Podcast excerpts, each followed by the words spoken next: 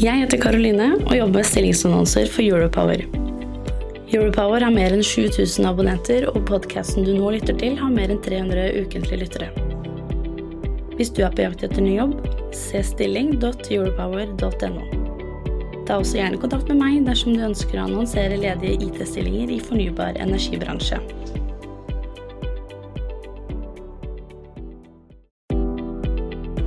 Kommer jeg sjøl fra Finnmark og fra Hammerfest, og da er, har vi jo sett et markant skifte etter at eh, daværende Statoil, nå Equinor, etablerte seg. Det har blitt en helt annen utvikling. Vi har fått en ny by. Jeg bruker å kalle det for en gjenreisning av byen. da. Så det har betydd enormt mye. Vi ser det jo hver dag. Du lytter til energibransjens temapodkast med annonsørinnhold fra norsk olje og gass. Vi leverer jo for flere milliarder til denne næringa hvert endaste år fra nordnorsk næringsliv. Og eh, det er utrolig viktig for utviklinga. Nina Kiviervi Jonassen er prosjektdirektør i Petroarctic, som er et leverandørnettverk for petroleumsaktiviteten i nord. Hun tok turen sørover på årskonferansen til Norsk olje og gass. Vi har fått masse kompetansearbeidsplasser. Vi har eh, fått i det hele tatt økt befolkning og eh, mye ny kompetanse i regionen. Jeg heter Skjul Kristian Aamodt, jeg er gründer og energiambassadør i Energy, energibransjens digitalkanal. Olje- og gassnæringen gir store ringvirkninger i landet vårt. Samtidig så kan det ikke bare fortsette som før. Den viktigste rammebetingelsen fremover for olje- og gassnæringene er at de må er klimautslippene. Det har en ramme rundt at vi ikke skal utse, altså de må gjøre, jobbe for å få ned utslippene i Norge. Vi kommer til å få en strammere klimapolitikk i Europa.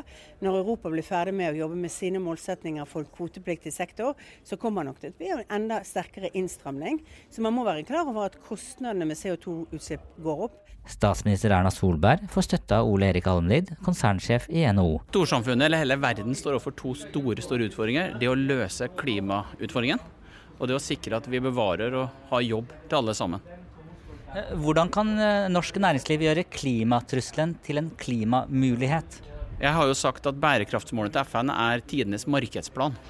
Så her er det jo store muligheter til bl.a. å være ledende på klimateknologi. Og hvis vi lykkes med det og legger til rette for det også fra politikernes side, så har vi mulighet til å skape mye business og dermed også mye arbeidsplasser.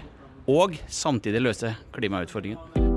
Vi spør Ina Libak, AUF-leder, om hva hun tror vil skje dersom vi ikke gir full gass på å løfte fram fornybar teknologi i takt med Europa. Ja, akkurat nå betyr det at Norge kan miste noen av de konkurransefortrinnene vi har hatt. For hvis det er én ting som kommer til å bli et konkurransefortrinn fremover, så er det å ha lave utslipp. Og hvis Europa går over til fornybart i et raskere tempo enn det vi har trodd, så betyr jo det også at de blir mindre avhengig av norsk gass. For de har jo sagt selv at det er kull er det første de skal kvitte seg med. Og så kommer gassen etter hvert. Og da er Norge nødt til å drive en omstillingsprosess nå, sånn at vi kan møte det og ikke sitte der og eh, plutselig prøve å eksportere gass eh, som Europa ikke lenger er avhengig av. Daniel Skjevik Aasberg er nestleder i Unge Høyre. Hva mener han om dette? Det handler om at vi må kutte ut fossile brensler og, som gir energi, og erstatte det med fornybar grønn energi. Og det handler om å skape nye grønne arbeidsplasser. Og da tenker jeg at Hvis vi skal få til det, så kan vi ikke bare legge ned de industrieventyrene vi har hatt. Vi er nødt til å skape nye grønne industrieventyr av den industrien vi har. Så det å skape nye grønne jobber i de næringene vi har, det tror jeg kommer til å bli kjempeviktig. F.eks. at vi skal jobbe mer med havvind, at vi skal jobbe med hydrogen, LNG. Eh, og karbonfangst og -lagring i oljeindustrien. Eh, fra senere dag så ga du Eldar Sætre, som er konsernsjef i Equinor, ros. Hvorfor gjorde du det? Jeg gjorde det fordi jeg merker at på denne konferansen så er det en annen tone. Eh, og det at han sier selv at vi ikke kan møte hverandre med arroganse, eh, og at vi er nødt til å møte hverandre ved å snakke sammen, at vi skal ha tillit til hverandre, eh, det mener jeg også forplikter meg til å prøve å imøtekomme på samme måte. At vi må sette oss ned og snakke. Og jeg mener at når man gjør en del grep, eller i hvert fall, i hvert fall vi setter seg ned og snakker om hvilke grep vi skal gjøre, så er det det vi trenger i klimapolitikken nå. Ikke bare stå langt fra hverandre, men faktisk sette oss ned og prate. Hva er det vi kan få til? Eh, ved frokosten i dag så minnet min datter meg om at uh, olja tar slutt. Uh, skoleungdom uh, skulker skolen. hvis du hadde vært 15 år, ville du sikta deg inn mot oljebransjen da? med det jeg vet i dag, så ville jeg ikke hatt noe problemer med det. Men hvis jeg hadde vært 15 år, så vet, vet jeg ikke helt. Jeg, jeg, tror nok jeg ville vært veldig søkende etter løsninger. Jeg ville vært utålmodig. Jeg ville vært kanskje irritert på at jeg gjør noe, og oljeindustrien gjør ikke noe. Så, så det ville nok vært en, et dilemma. Eldre Sætre er konsernsjef i Equinor, som er den største operatøren på norsk sokkel. Jeg tror nok samtidig jeg ville sett at oljeindustrien samtidig har en mulighet til å gjøre ting, faktisk. De har en kraft, de har en kompetanse til å gjøre ting. Så jeg ville nok eh, tenkt sånn, ja, hvorfor ikke olje- og gassindustrien å komme der og faktisk gjøre en jobb fra innsiden, og jobbe med den kraften og den kompetansen som industrien har. Så jeg tror nok jeg ville tenkt litt sånn. Det høres jo fint ut å være med på å endre noe fra innsiden, men hva betyr egentlig dette? Agnete Jonsgaard Lewis er administrerende direktør i AS Norske Skjell. Hvilken rolle kommer olje- og gasselskapene til å spille i den store energiomstillingen som vi nå går gjennom? Så jeg tror de har en hovedrolle å, å bidra med. Eh, vi har høy kompetanse, eh, som hørte i dag. Eh, noen av de flinkeste folkene jobber i olje- og gassindustrien. Eh, og jeg ser også at man direkte kan eh, bidra med f.eks. Folk som jobber på undergrunnen, kan jobbe mot CCS. Folk som jobber på utstyr, roterende utstyr. Hvis du kan gjøre en kompresjon en pumpe, så kan du også gjøre vindmøller. Shell-sjefen nevner CCS og vind. La oss først spørre litt om CCS, altså CO2-fangst, transport og lagring. Samme dag som årskonferansen til Norsk olje og gass ble avholdt, kom nyheten om at de foreløpige resultatene fra Northern Lights-prosjektet for lagring av CO2 var vellykket. Som første olje- og energiminister gratulerte du Equinor med å bore en tørr brønn. Eh, Hva er bakgrunnen for det? Nei, det er jo Bakgrunnen for det er at uh, dette var jo en veldig viktig brønn uh, i forbindelse med prosjektet for CO2-fangst og -lagring. Eh, og dette var jo en sjekk på om reservoaret på norsk sokkel er eh, egnet til å lagre CO2, og det viser jo prøvene så langt i hvert fall at eh, det er. Og det er veldig positivt. Så det betyr jo at vi nå har eh, boret en brønn, vi har fått inn det tekniske data, så vi kan nå gjøre en eh, teknisk evaluering om at det reservoaret kan holde CO2 som vi forventer. Equinor og partnerne Shell og Total har altså avsluttet boringen av verifikasjonsbrønnen for karbonfangst i Northern Lights-prosjektet i Nordsjøen. Og det ser lovende ut. Det er Shell-sjefen godt fornøyd med. Så det er et veldig viktig steg. Vi spør Equinors konsernsjef om hvorfor det er så viktig å engasjere seg i fullskala CO2-fangst, transport og lagring. Ja, For det første er det jo viktig for, eh, for, for, eh, for å kunne nå et lavkarbonsamfunn. Det det, er nesten umulig å tenke seg hvordan eh, mange, mange sektorer skal kunne dekarboniseres uten karbonfaste -lagring. For det er ikke alternativer til, til, til olje og gass. Og, det å produsere hydrogen er for mange sektorer, er nesten, særlig maritim sektor, tunge stål, stålindustri f.eks., det er nesten vanskelig å se hva, hvilke alternativer de har. Og, og, og Derfor er det jo viktig å og for oss å engasjere oss også, for her kan vi bruke kompetanse vi har, direkte inn mot både hydrogenproduksjon og, og, og inn mot, mot karbonfangst -lagring. Men hva betyr egentlig dette for deg og meg? Vi spør Jonas Gahr Støre om hvor viktig CO2-fangst, transport og lagring kan bli for norske arbeidsplasser. De kan bli meget viktige. Sintef har jo regnet ut at fangst og lagring kan gi titusenvis av arbeidsplasser. Hydrogen kan gi tusenvis av arbeidsplasser. Og hvis man ser på anvendelsen for, eh, for denne energikilden, behovene i Europa, industriens behov, så ser vi at det er stort. Og det er det jeg prøver å si til konferansen også, at, at Norge når sine klimamål, det, eh, det skal vi, og det er en selvfølge. Men det kommer ikke til å endre verden. Det som kan endre verden, er hvis disse teknologiene, denne kunnskapen, denne kompetansen blir anvendt i Europa, i Asia, andre steder. Hvis vi klarer å eksportere den, eh, så er dette et, et kinderegg. Vi kan virkelig eh, tjene på det, skape nye arbeidsplasser og være med på å finansiere et velferdssamfunn som er der for alle. Partilederen i Arbeiderpartiet får støtte av Ole Erik Almlid i NHO. CCS er et kinderegg. Det er både klima, det er jobbskaping, og det er etter min mening også ekstremt viktig for oss å bevare de jobbene vi har bl.a. i olje- og gassindustrien. Så vi må få realisert CCS, slik at vi får løst både klimautfordringen og jobbutfordringen. Mange prater om EU og The Green Deal, og at det vil få mye å si for norsk olje og gass. Vi ber Knut André Sande, leder av Europeisk Ungdom, om en forklaring. Hva er The Green Deal? Den europeiske grønne pakten nå tar jeg det på norsk, som kom i disse dager, det er EUs vekststrategi for årene som kommer, og EUs strategi for å gå gjennom det grønne skiftet. Tilbake til Agnete Jonsko Lewis i Shell. Hva gjør Shell på vei mot det grønne skiftet? Så Shell er jo en av de største globalt på havvind, så vi ser jo det som en eh, ekte mulighet eh, og en verdikjede som kan bidra eh, og være økonomisk i framtiden. Eh, I Norge eh, så ser vi jo etter muligheter. Vi må fortsatt få på plass en del ting, eh, men vi mener at det er en lovende eh, framtid. Monica Bjørkmann er sjef for entreprenørselskapet Subsea 7 i Norge, og så er hun styreleder i Norsk olje og gass. Hva skal norsk leverandørindustri gjøre for å, å få en eh, viktig posisjon i, i havvindeventyret?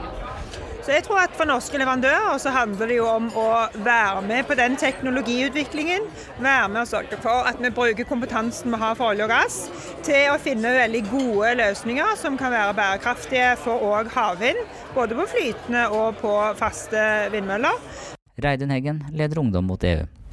Hun minner om at oljeindustrien ikke bare skal bidra til reduserte klimautslipp gjennom nye energikilder, men at de også må jobbe med utslippene når det gjelder eksisterende produksjon. Det jeg mener at eh, norsk olje og gass bør gjøre, er jo for så vidt ting de har begynt å gjøre også. er ele elektrifisere norsk sokkel f.eks. At man, man starter med det arbeidet. Det er veldig bra at man gjør det. Mer elektrifisering vil jo gjøre at de utslippene som er av produksjon i Norge, faktisk blir håndtert. og da, da, har de tilpasset seg de rammebetingelsene. Selv om Erna Solberg peker på områder som olje- og gassnæringen tar tak i, betyr ikke det at den er fritatt for kritikk. Mange tar til orde for en endring i et investeringsvennlig skatteregime. Uh, når vi prater med aktørene i oljebransjen, så forteller de at den største trusselen som de ser, er uh, endringer i rammebetingelsene, altså leterefusjonsordningen. Forstår du kritikken mot denne ordningen? Jeg helt ærlig gjør ikke det. Jeg mener dette er en ordning som har tjent landet svært godt. Vi trenger at det letes. Det er en ordning som stimulerer til det. Og vi trenger at det gjøres nye funn. Så jeg mener at dette er en av de viktige rammevilkårene som vi trenger på norsk sokkel. Selv om Norge må gjennom en omstilling, så er Tina Bru tydelig når det gjelder leterefusjonsordningen. Jeg spør statsminister Erna Solberg om hvor viktige inntektene fra norsk olje og gass er for at vi skal kunne finansiere det grønne skiftet. Så vi vil jo fortsatt ha store olje- og gassinntekter fremover, og det vil bidra til at vi står mer rustet til det. Det er klart vi bruker penger over statsbudsjettet som avkastning fra oljefondet i dag. Det er med på å gjøre at vi har et høyere trykk på forskning og utvikling enn det vi hadde tidligere, på ny næringsvirksomhet. Eh, men det, og det vil være noen krevende prioriteringer for, for, for å løfte store nye teknologier. Statsministeren forteller om krevende prioriteringer. Hvordan skal vi ivareta norske arbeidstakere gjennom denne omstillingen? Ja, jeg tenker at uh, denne omstillinga i norsk næringsliv den vil foregå over noen år. Men de arbeidsgiverne som ikke henger med og ikke forbereder seg på omstilling og forbereder sine ansatte på omstillinger, de vil bli tapere i denne prosessen. Ingelin Noresjø er andre nestleder i KrF. De som er på, de som ser at her vil det bli behov for endring, de som er i gang med å omskolere sine ansatte, sørge for god informasjon for at man er frampå i teknologiutviklinga, de vil klare omstillinga. Men det vil kreve aktiv handling fra arbeidsgivere, men også fra arbeidstakerne sjøl. Vi forstår at vi må gjennom en omstilling. Hvorfor kan vi ikke bare rive av plasteret med en gang? Norge utviklet vannkraften i slutten av 1800-tallet. Så gikk det 70 år, så kom oljen, og så kom gassen. Og nå ser vi havvinden. Vi sluttet ikke med det forrige fordi vi gikk inn i noe nytt. Vi må ha en overgang, og nå er det på skuldrene all den energikompetansen vi ser hen mot havvind, hydrogen, fangst og lagring av CO2. Så det er viktig å holde fast ved den kompetansen. Vi må ikke tenke sånn at vi skal sette en sluttdato for en industri, vi skal ha ambisjoner for å utvikle den. Jonas Gahr Støre får støtte fra Nina Kirievi Jonassen i Petro Arctic. Å sette en sluttdato, det blir jo helt absurd. Jeg tenker nå går man har høye, ambisiøse klimakrav for næringa. Man skal ned mot null karbonproduksjon, og da tenker jeg at det markedsreguleres. Og så lenge markedet og verden har behov for olje og gass, så tenker jeg at Norge er absolutt i posisjon til å skulle levere den. Og det er bra for klimaet globalt sett. La oss bevege oss bort fra diskusjonen om sluttdato. Vi spør Marie Birkeland, som er lederassistent i Equinor, hva hun tror blir de største utfordringene fremover. For meg så tror jeg de største utfordringene er at nå har vi tatt oss noen sykt ambisiøse mål. Men nå må vi faktisk snart begynne å levere på det òg. Altså 2040-2050 det er langt fram i tid, men nå må vi faktisk begynne fra dag til dag å levere mye mer på det vi sier. Ved frokostbordet i dag så sa min fem år gamle datter pappa, oljen tar slutt, ikke sant? Ja. Jeg rakk ikke å gjøre ferdig samtalen før jeg skulle hit på konferansen, men hva skal jeg svare henne når jeg kommer hjem?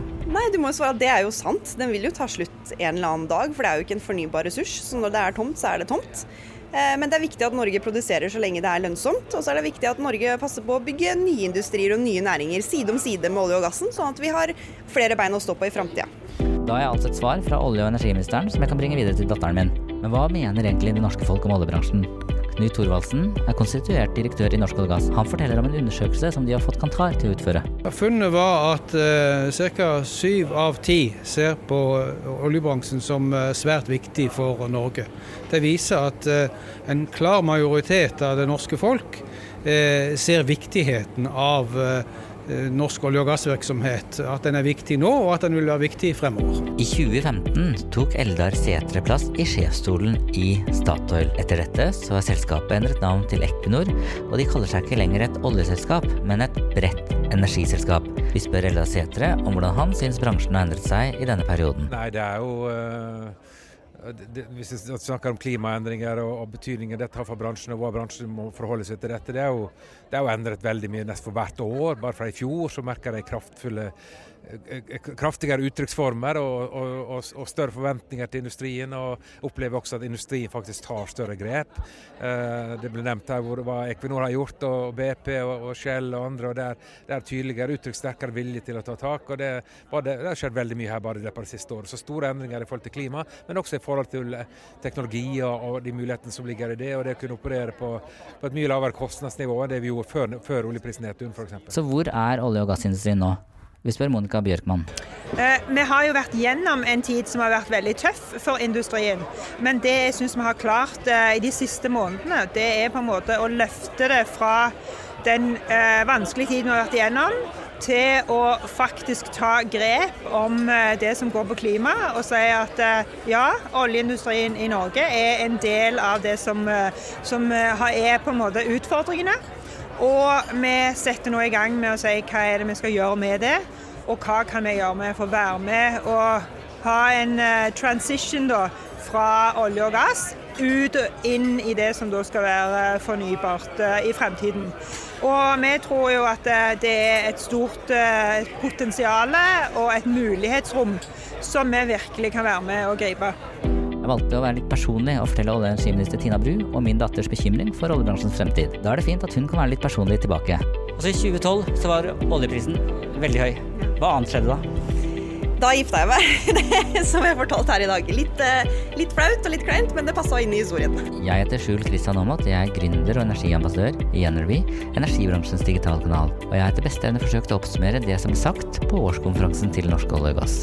Og så håper jeg at Norge lykkes i denne enorme energiomstillingen som vi skal gjennom. At vi klarer å bevare arbeidsplasser, bygge nye arbeidsplasser og være i front også inn i fremtiden. Du har lyttet til energibransjens temapodkast med annonsørinnhold fra norsk olje og gass. Jeg heter Karoline og jobber med stillingsannonser for Europower. Europower har mer enn 7000 abonnenter, og podkasten du nå lytter til, har mer enn 300 ukentlige lyttere. Hvis du er på jakt etter ny jobb, se stilling.europower.no. Ta også gjerne kontakt med meg dersom du ønsker å annonsere ledige IT-stillinger i fornybar energibransje.